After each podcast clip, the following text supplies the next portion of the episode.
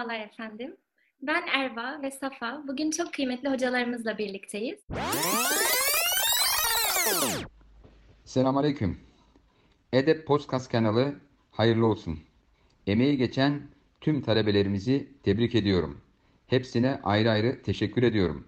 Özellikle içinden geçtiğimiz büyük sabır imtihanı döneminde Edep ailesi olarak böyle bir projeyi büyük bir başarıyla yürürlüğe koyan ve içimize su serpen güzide kızlarımıza bundan sonra da Allahu Teala'dan tevfik diliyorum. İman, ihlas, ihsan, ihya basamaklarından çıkıp edep ile gelen lütuf ile döner.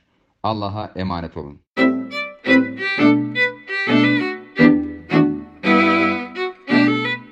Merhabalar efendim. Ben Erva ve Safa. Bugün çok kıymetli hocalarımızla birlikteyiz. İstanbul Üniversitesi İlahiyat Fakültesi İslam Hukuku Anabilim Dalı Doktor Öğretim Üyesi Merve Özaykal ve İbni Haldun Üniversitesi İslami İlimler Fakültesi Doktor Öğretim Üyesi Tuğba Erkoç Baydar bizlerle. Değerli Tuğba ve Merve hocalarımız, üniversitedeki akademik görevleri dışında aynı zamanda Edep Akademik Kurulu'nda da yer almaktalar. Tuğba hocamız Edepte Yürütme Kurulu Başkanı ve Onur Programı Genel Koordinatörü, Merve hocamız ise İhtisas ve İslami İlimler Program Koordinatörü olarak görev almaktalar.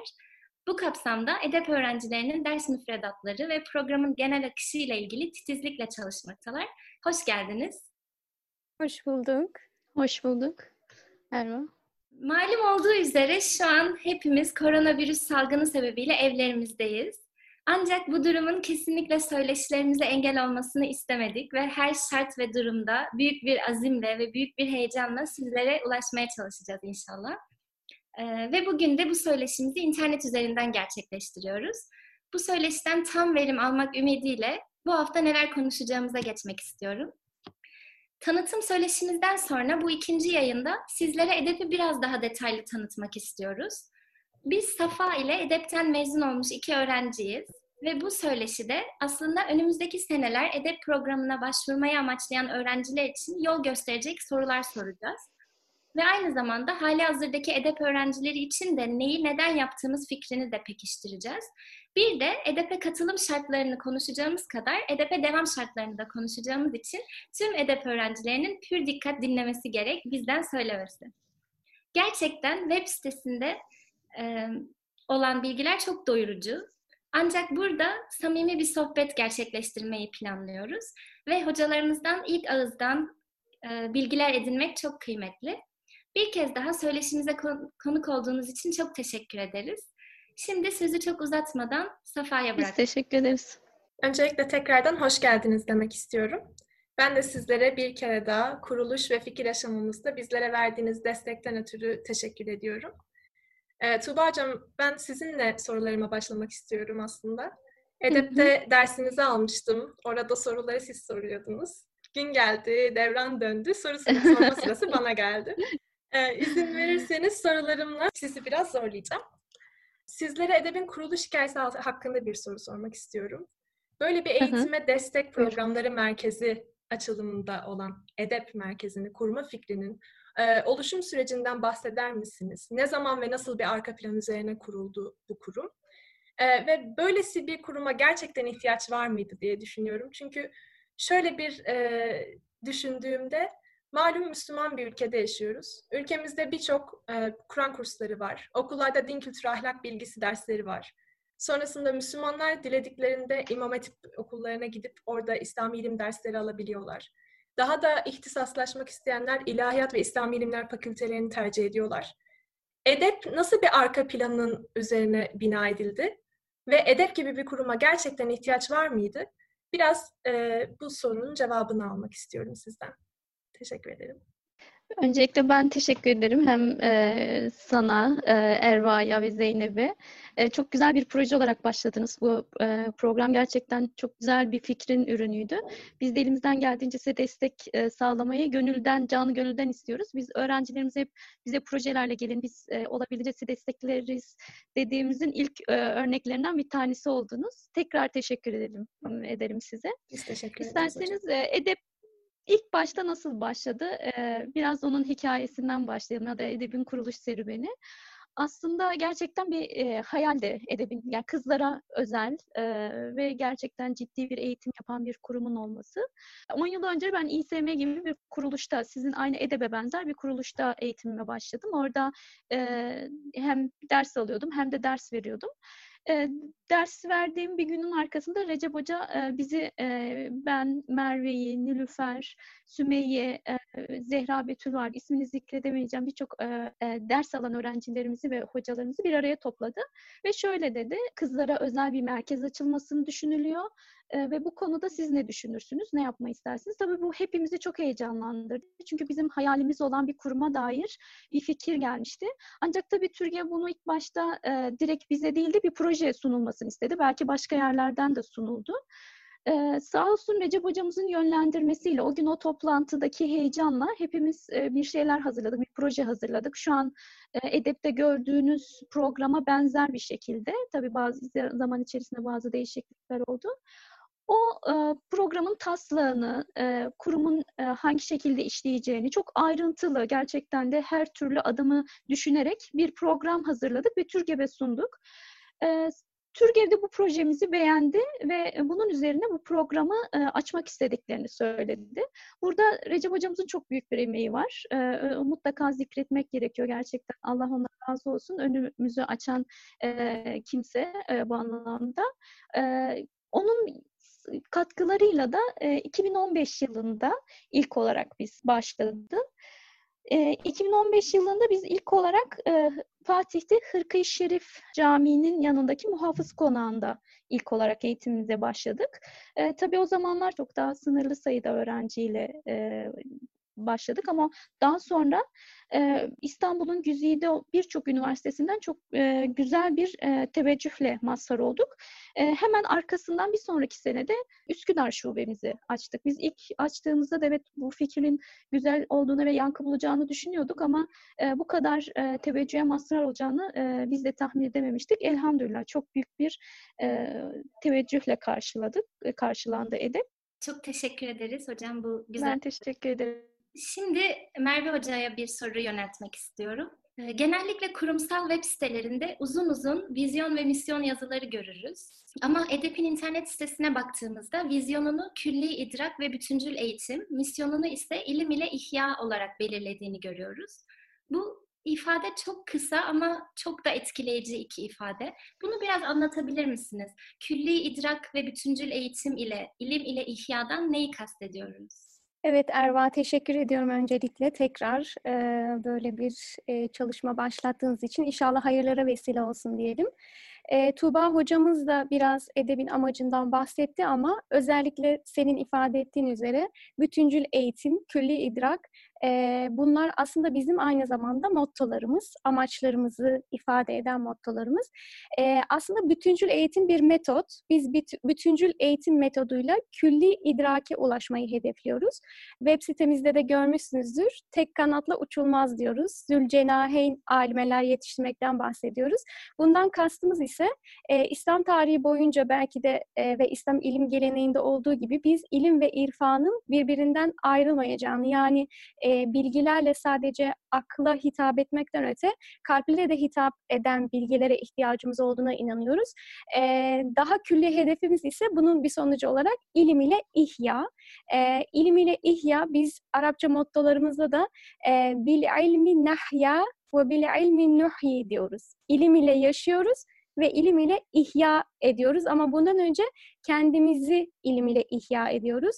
Yani ilim ile hayat vermeyi ve ihya olmayı hedefliyoruz. İlk önce kalpleri, medeniyetimizi ve daha sonrasında geniş anlamda bütün dünyayı ilim ile ihya etmek istiyoruz. Ee, tabii bu çok büyük bir amaç ama biz biliyoruz ki ayet-i kerimede de söylendiği gibi her kim bir insanı yaşatırsa ya da onu ona hayat verirse sanki bütün insanlığa hayat vermiş gibidir. Biz bu ayeti böyle anlıyoruz ve e, insanlığın, kalplerin ve medeniyetlerin ihyasının bu şekilde olacağını inanıyoruz. E, holistik eğitim ya da bütüncül eğitim dediğimiz e, metodumuzda ise çağının gerektirdiği akademik bilgiyle donanmış ama aynı zamanda bu bilgiler arasından doğru yanlışı ayırt edebilecek ve bunu da ancak e, geleneğimizden gelen bilgilerle yapabilecek insanlar yetiştirmek anlamında kullanıyoruz.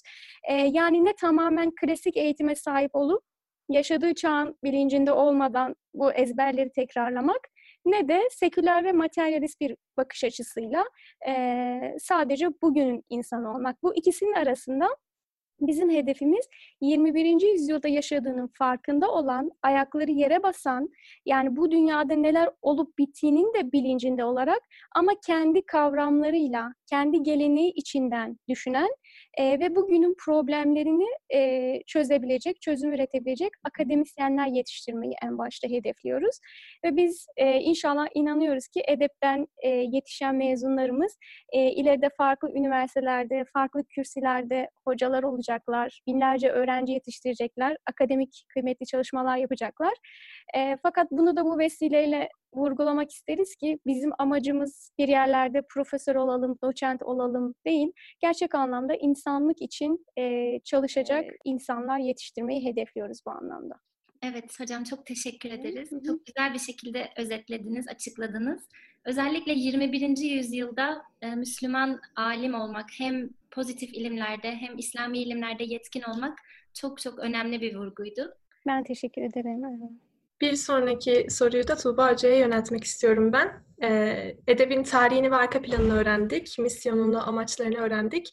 Şimdi dilerseniz de edebe kabul edilme şartlarından biraz bahsedelim hocam. Malum edepte iki ayrı programımız var. Onur programı ve ihtisas programı. E, her ikisi için de ayrı şartlar vardır diye düşünüyorum. Ee, başvuru sürecinde dikkat etmeleri gereken noktalardan bahseder misiniz biraz öğrenciler için? Ee, Onur programına bilhassa Tuğba Hocam. Edep'te şu an hali hazırda aslında çok büyük bir aileyiz biz. E, 4 yıllık olan Onur programımızda 225 öğrencimiz var. E, İhtisas programında da 35 öğrenci var. Bunun dışında idari kadromuz, güvenliğimiz ya da bütün kadroyu düşündüğümüzde çok büyük bir e, aileye giriş yapmış oluyor edebe giren bir kimse aslında. E, temelde Safa'cığım senin de dediğin gibi iki kısma ayrılıyor. Onur ve ihtisas. Onur programımız 4 yıllık. E, yani bir öğrenci İstanbul'a ilk adım attığında ya da İstanbul'daki bir öğrenci üniversiteye ilk adım attığında biz de aslında kollarımızı açıyoruz. E, edebe davet ediyoruz. E, bu süreç içerisinde ilk iki sene yoğun bir e, dil ilimleri, e, aslında anahtar ilimler dediğimiz yani önceki derslere, sonra, daha sonra göreceği derslere hazırlayacak ilk aşamaları öğretmek için yoğun bir e, hem klasik Arapçadan hem de maharat dediğimiz alet ilimlerine dair yoğun bir e, e, ders var.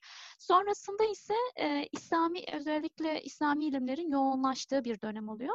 Tabii ilk, ilk iki senenin sonunda e, Arap eğitimini e, belli bir seviyeye getirmiş öğrencilerimiz için dili doğal ortamında konuşmak ve araştırma yapmak üzere Ürdün'e gönderiyoruz ve buradaki en iyi merkezi e, seçtik. E, Kasıt'ta belli bir e, yaz dönemini burada geçirip eğitim alıyor öğrencilerimiz. Bundan sonra asıl her şey başlıyor diyebilirim. E, İslami ilimler, fıkıh, tefsir, hadis, kelam gibi e, birbirinden gerçekten e, en önemli, önemli dediğimiz alanlara dair klasik kaynaklara e, öğrencilerimizi e, yönlendiriyoruz. Dersler bunun üzerinde oluyor. E, ve en önemlisi de öğrencilerimiz e, hangi alandan olursa olsun hiçbir ayrım yapmıyoruz. E, şu an baktım hep ilahiyat e, öğrencilerimiz değilsiniz ama sizin de tecrübe ettiğiniz gibi ilahiyat dışından başka bir alandan bile olsa klasik e, literatürdeki klasik eserleri kendi dilinden, orijinal dilinden okuyup anlamaya ve üzerinde tartışmaya e, odaklı bir eğitimimiz var. Yani tercüme metinler üzerinden değil, e, bizatihi kendi dilinden, bizatihi kaynaklara ulaşmak şeklinde. İslami ilimlere ek olarak sosyoloji, siyaset, iktisat, İslam düşünce tarihi, İslam medeniyet tarihi, eleştirel düşünme gibi sosyal bilimler dersimiz de var. Yani e, bir öğrencinin aslında ufuk dünyasını genişletecek e, diğer hususları da e, dikkate almaya çalışıyoruz. Ve aslında bizim için en önemli e, olan husus irfani ilimler dediğimiz tasavvuf dersleri, Riyazu Salih'in okumaları, İhya okumaları programımızın bir parçası. Tabii onu programından mezun olduktan sonra ihtisas programımız e, devam ediyor. Şu an e, öğrenci kabullerimiz sayı olarak Yani 15 ile 20 arasında her bir sınıfa, e, her bir şube için söylüyorum tabii. E, burada tabii çok e, zorlu bir süreç aslında başlıyor öğrencileri. E, ama tabii bu sohbetinizin amacı biraz öğrencilere ipucu vermek değil mi? Güzelliği Evet. olsun. Bunu, bu söyleşiyi dinleyenler için. Mülakatlarda şöyle söylemiştiniz derler. Dört aşamalı bir prosedür var.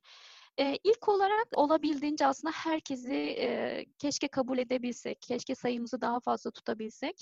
Ama e, nihayetinde sınırlı şekilde bir kontenjanımız var, e, sınırlı mekanımız var. Buna uygun da e, olabildiğince e, en iyi öğrencileri seçmeye çalışıyoruz. Bunun içinde bazı kriterler maalesef e, koymak durumundayız. İlk olarak e, üniversite başarı sıralaması bizim için önemli. Yani özellikle geçen dönem mesela ilahiyatlar için e, 10 bin gibi bir sınır koyduk. Diğer alanlar için de e, buna yakın biraz daha bazı alanlara göre esneterek bir sınır koyduk. Yani ilk binlerde olmak önemli. Yani ve bu şansı da arttırıyor tabii ki. Bunun dışında CV istiyoruz. Bu anlamda dinleyen bütün öğrencilere de aslında bir tavsiyem o dosyaları olabildiğince ayrıntılı doldursunlar. Çünkü biz tek tek ayrıntılı inceliyoruz.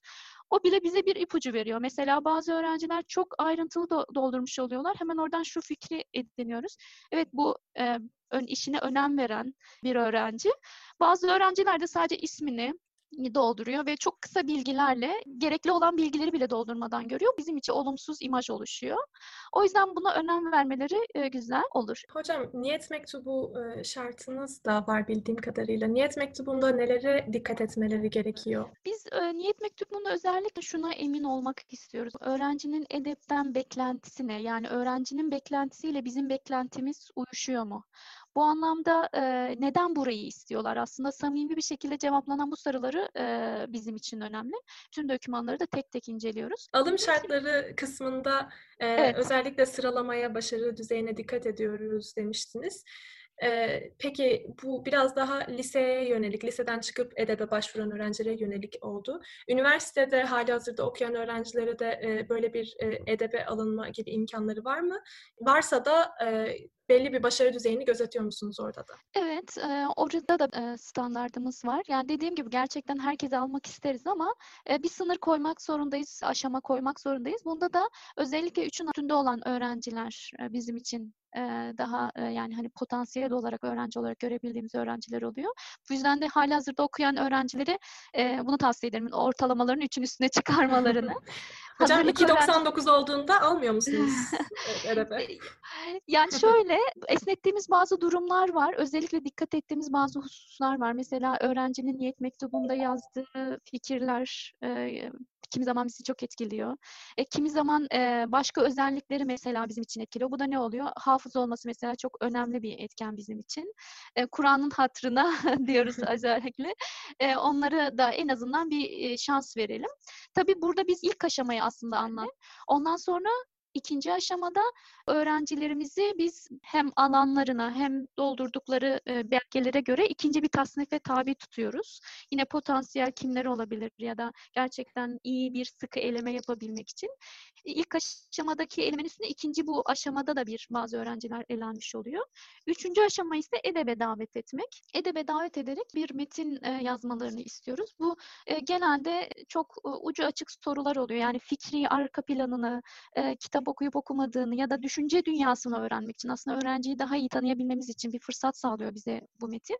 E, Tabii İngilizce, Arapça gibi bazı sorularımız da var ama bizim asıl ön- önemsediğimiz hususlar tabii bunları da mutlaka doldursunlar. Yapabilecekleri her şeyi yapsınlar. Bazen öğrencilerimizde şu oluyor yani ben yapamayacağım düşündüm, boş bıraktım. Değil aslında çabasını da görmek istiyoruz. Öğrencinin dikkatini, ciddiyetini.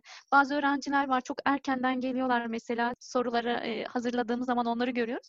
O da bizim için önemli oluyor. Yani bu işi ne derecede ciddiye aldıkları. Ee, Buyur. hocam anladığım kadarıyla dört aşamalı bir başvuru aslında e, edebin öğrencileri sadece sıralama başarı düzeyine göre değil, inceleyip sık dokuyarak hayat tarzlarını da planlarını da öğrenerek iyice araştırıp almaya yönelik tarzlarını gösteriyor. Evet evet kesinlikle çok güzel özetledin. Sadece ve rakamlar e, burada e, konuşmuyor. E, hayat tarzlarını da e, işin içine Tabii katarak. tabii. Ya bizim için zaten en önemli olan son aşamada da mülakatımız oluyor. Yani yazılıdan da bazı öğrencilerimiz elenmiş oluyor.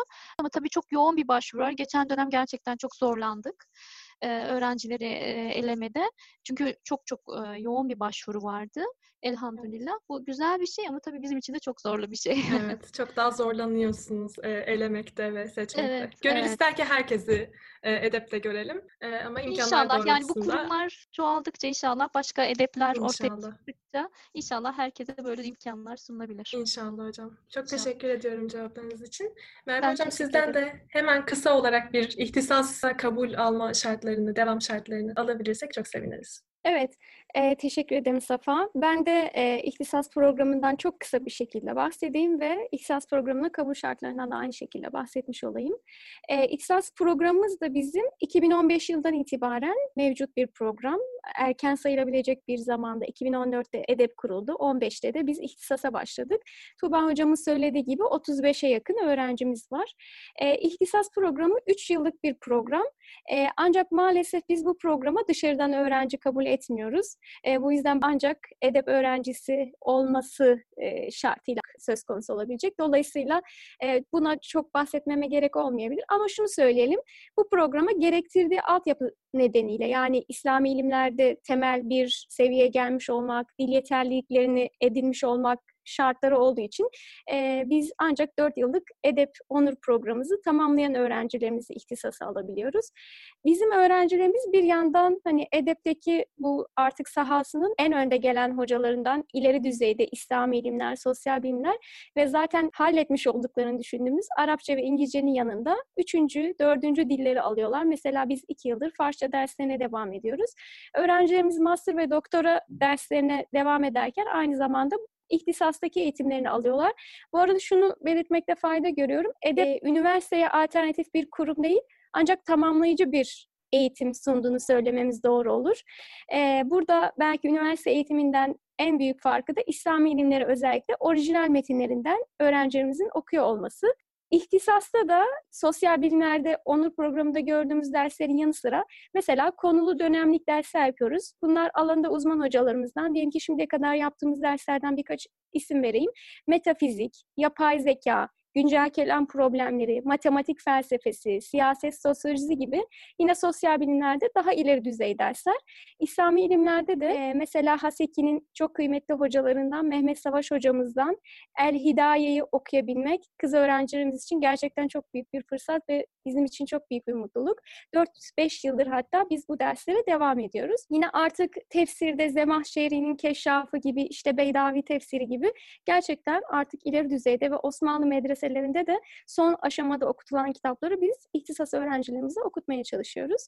E, bu arada bazı dersler İngilizce ve Arapça olabiliyor tamamen. Yani ana dili İngilizce veya Arapça olan da hocalarımızdan da öğrencilerimiz bu şekilde istifade etmiş oluyor oluyorlar. E, bir de e, lisansüstü öğrenci sempozyumları düzenliyoruz. Hem onur programında hem ihtisasta bu arada. E, Arapça, Türkçe ve İngilizce olarak yılda 3 dilde üç ayrı sempozyum gerçekleştiriyoruz. Burada öğrencilerimiz özellikle lisansüstü çalışmalarını sunma şansını elde ediyorlar. E, bir de atölyelerimiz var ihtisas programı kapsamında. Mesela vakıf atölyesi, fetva atölyesi bunlara örnek olarak verilebilir.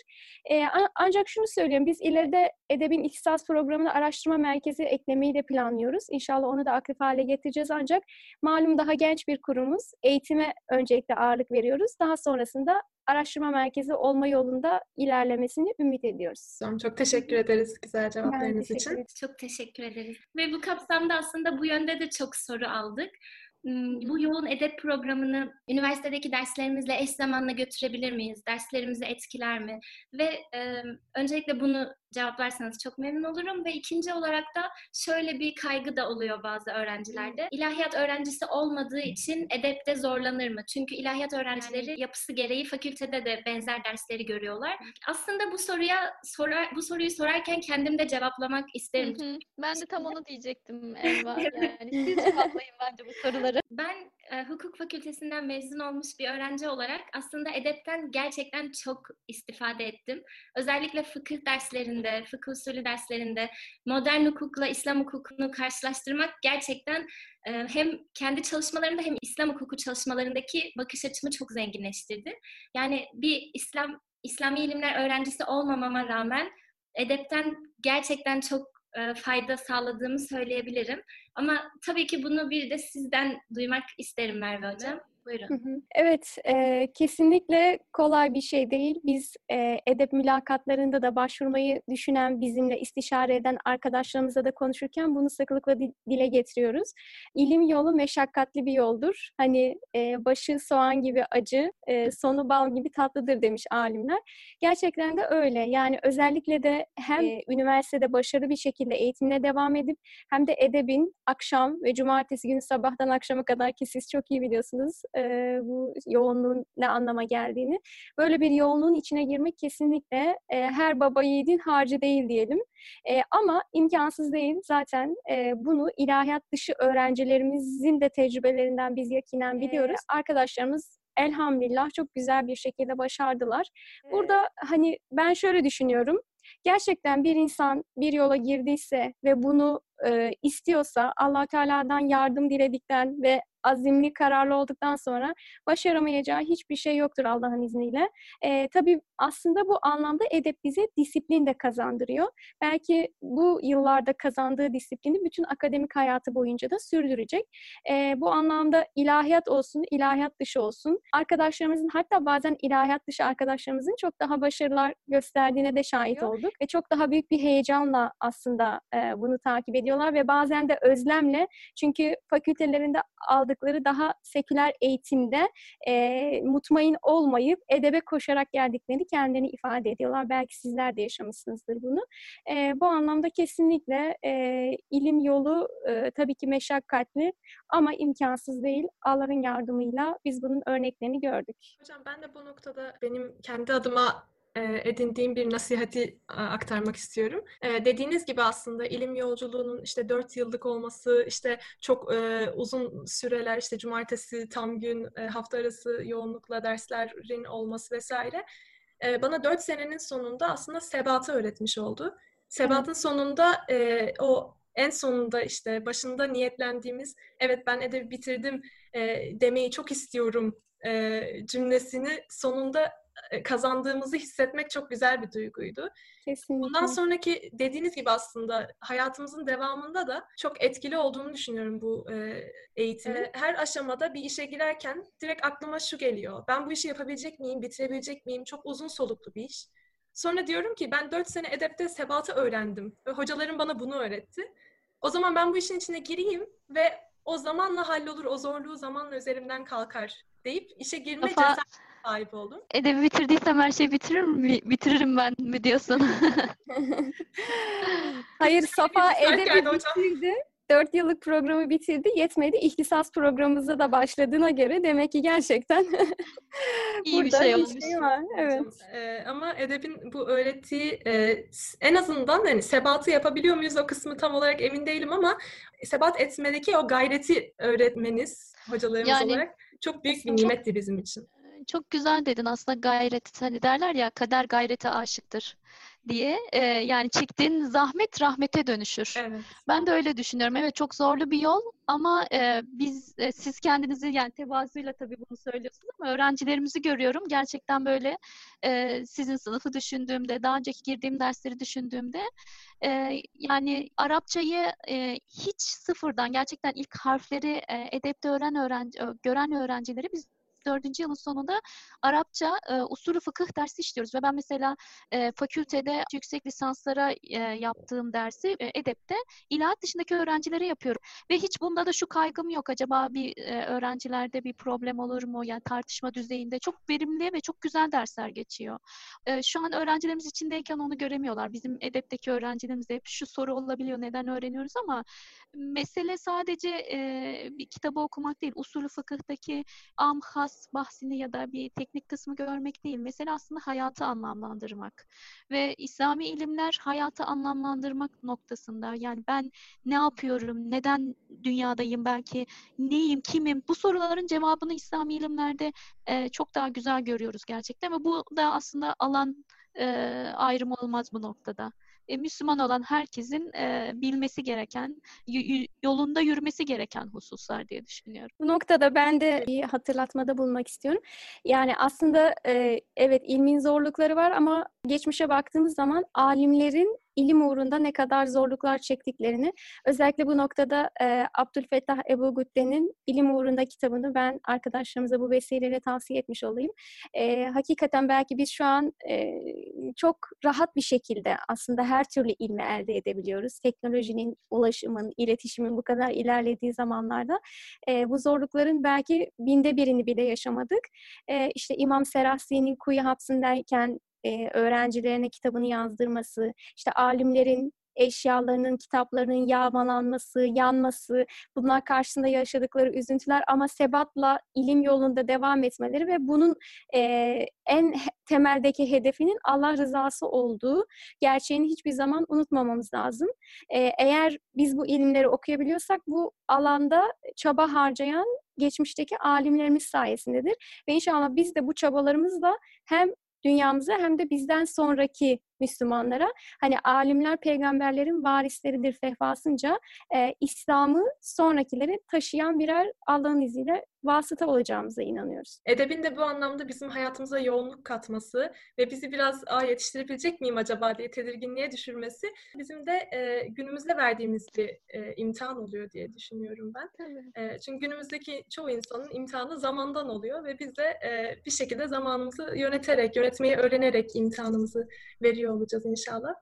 Zamanımızın nasıl bereketlendiğini hayretler içerisinde görüyoruz gerçekten. Evet, evet. Sırf bunun için edebe başvurulur diyerek. evet, konuyu böyle bağlayalım. Bağlayalım.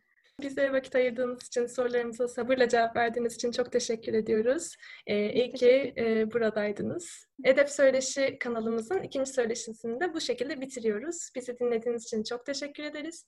Yorum ve eleştirilerinizi e, edeppodcastchannel.gmail.com ve Twitter üzerinden, Edep Söyleşi kanalımız üzerinden tweetlerinizi ve DM'lerinizi de bizlere aktarabilirsiniz.